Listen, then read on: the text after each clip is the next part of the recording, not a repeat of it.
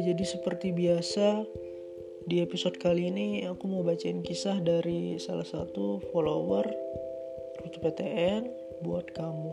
Semoga menginspirasi ya. Halo kak, aku mau sharing pengalaman aku waktu lulus SBMPTN ini. Awalnya aku masuk pemeringkatan senam PTN di sekolah aku, tapi nggak lulus jadi aku awalnya sedih tapi ya udahlah mungkin belum rezeki aku di situ. Terus aku daftar juga kak jalur undangan di perguruan tinggi Islam negeri. Tapi belum lulus juga. Habis itu aku coba daftar di politeknik jalur undangan tapi belum lulus juga. Nah karena di politeknik tes yang tadinya tulisan diganti pakai nilai raport aku daftar juga. Tapi akhirnya juga sama kak. Aku nggak nyerah di situ. Masih ada SBMPTN aku sebenarnya nggak terlalu mempersiapkan diri. Aku mau bahas soal kalau lagi mau aja kak tapi aku itu suka ngeprint soal-soal. Banyak yang gak aku bahas. Aku belajarnya yang intens itu dari Hamin 2 sampai Hamin 1 aja kak.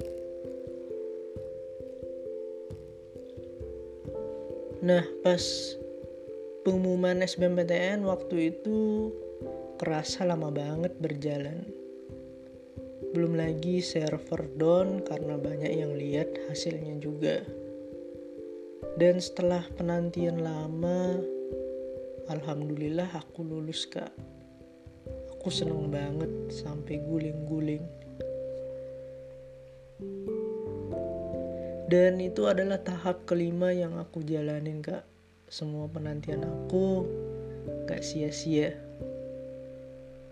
sebenarnya yang aku rasain itu kalau belajar terlalu dipaksain itu nggak bagus. Kalau dari pengalaman aku sih belajarnya yang secara suka rela ya itu lebih masuk dan kitanya juga jadi semangat kak belajarnya. Dan itu tergantung gimana cara belajar kita. Kalau kitanya nyaman itu bakalan lebih mudah masuk materinya Mungkin banyak yang cara belajarnya kayak aku. Yang kalau belum diterangin guru, apalagi kalau hitungan itu pasti nggak ngerti.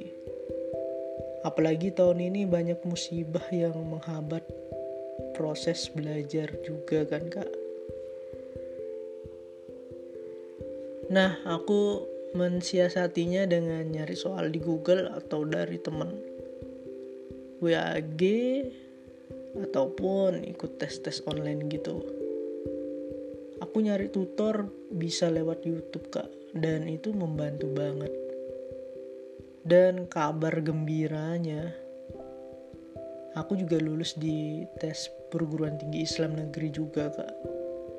Tapi aku udah milih yang hasil SBMPTN. Intinya sih, aku mau bilang kalau usaha itu nggak akan sia-sia Selama kita sabar nunggu dan berusaha kita pasti bisa. Dan jangan terlalu memaksakan diri juga. Karena hasilnya juga nggak akan bagus nantinya. Biarlah lama tapi itu dari hati kita daripada terpaksa. Ya bener sekali kalau belajar kan emang kadang orang-orang banyak kan ya mut-mutan dan ya gimana ya kalau belajar dengan hati yang gak mood gak nyaman? Jadi sebatas cuman ngeliat terus geser-geser halaman malah lebih parah lagi bisa-bisa nggak kecantol materinya. Sebenarnya banyak orang yang belajarnya tuh unik-unik banget kayak yang kirim cerita ini.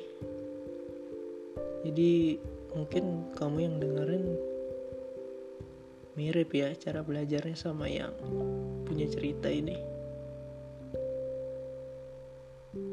Intinya ya jangan putus asa patah semangat. Semoga uh, kirim cerita sukses bisa membanggakan ke orang tua begitu juga yang dengerin podcast ini. See you di next episode ya